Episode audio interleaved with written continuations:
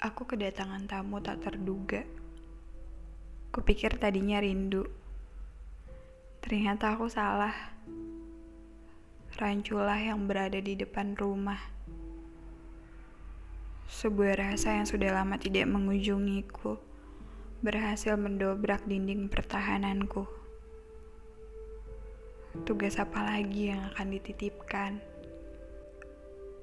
Apa aku harus kembali mencintai dalam diam?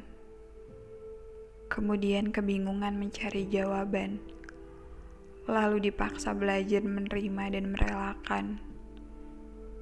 Oh, atau aku hanya ditugaskan untuk menjaga? Ya, hanya untuk menjaga sampai peranannya di hidupku selesai. Hanya menjadi yang berarti tanpa dicintai.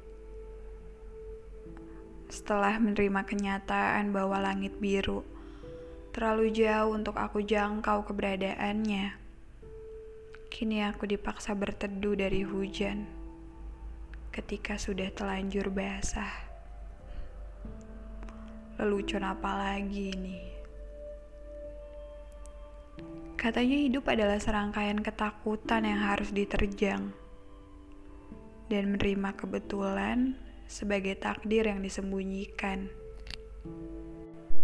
Lalu sekarang aku ditugaskan untuk memilih antara tidak adil dengan diriku sendiri atau mempertahankan keutuhan yang ada.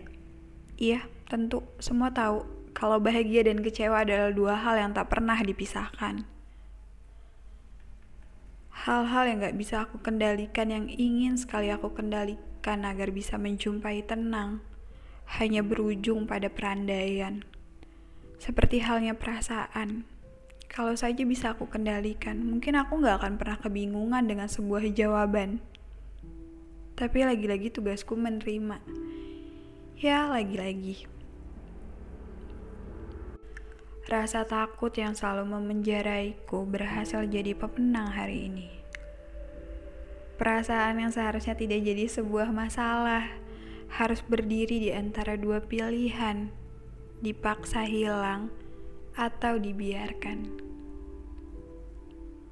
Sepertinya aku akan kembali merangkai dan menumpuk ratusan puisi yang selalu menjadi dialog antara aku dengannya. Atau mungkin itu masih jadi satu-satunya cara. Ketika aku jatuh cinta, ya menuliskan banyak hal tentangnya. Karena hanya melalui tulisan, aku bisa dengan luasa mencintainya. Meski kali ini aku tahu, puisiku akan kebingungan. Tanda baca mana yang harus dibubuhkan? Koma atau titik? Atau tak pernah ada tanda baca di dalamnya? Supaya sudah berjalan saja sampai waktu menyuruh aku dan dia berhenti, berhenti mencari.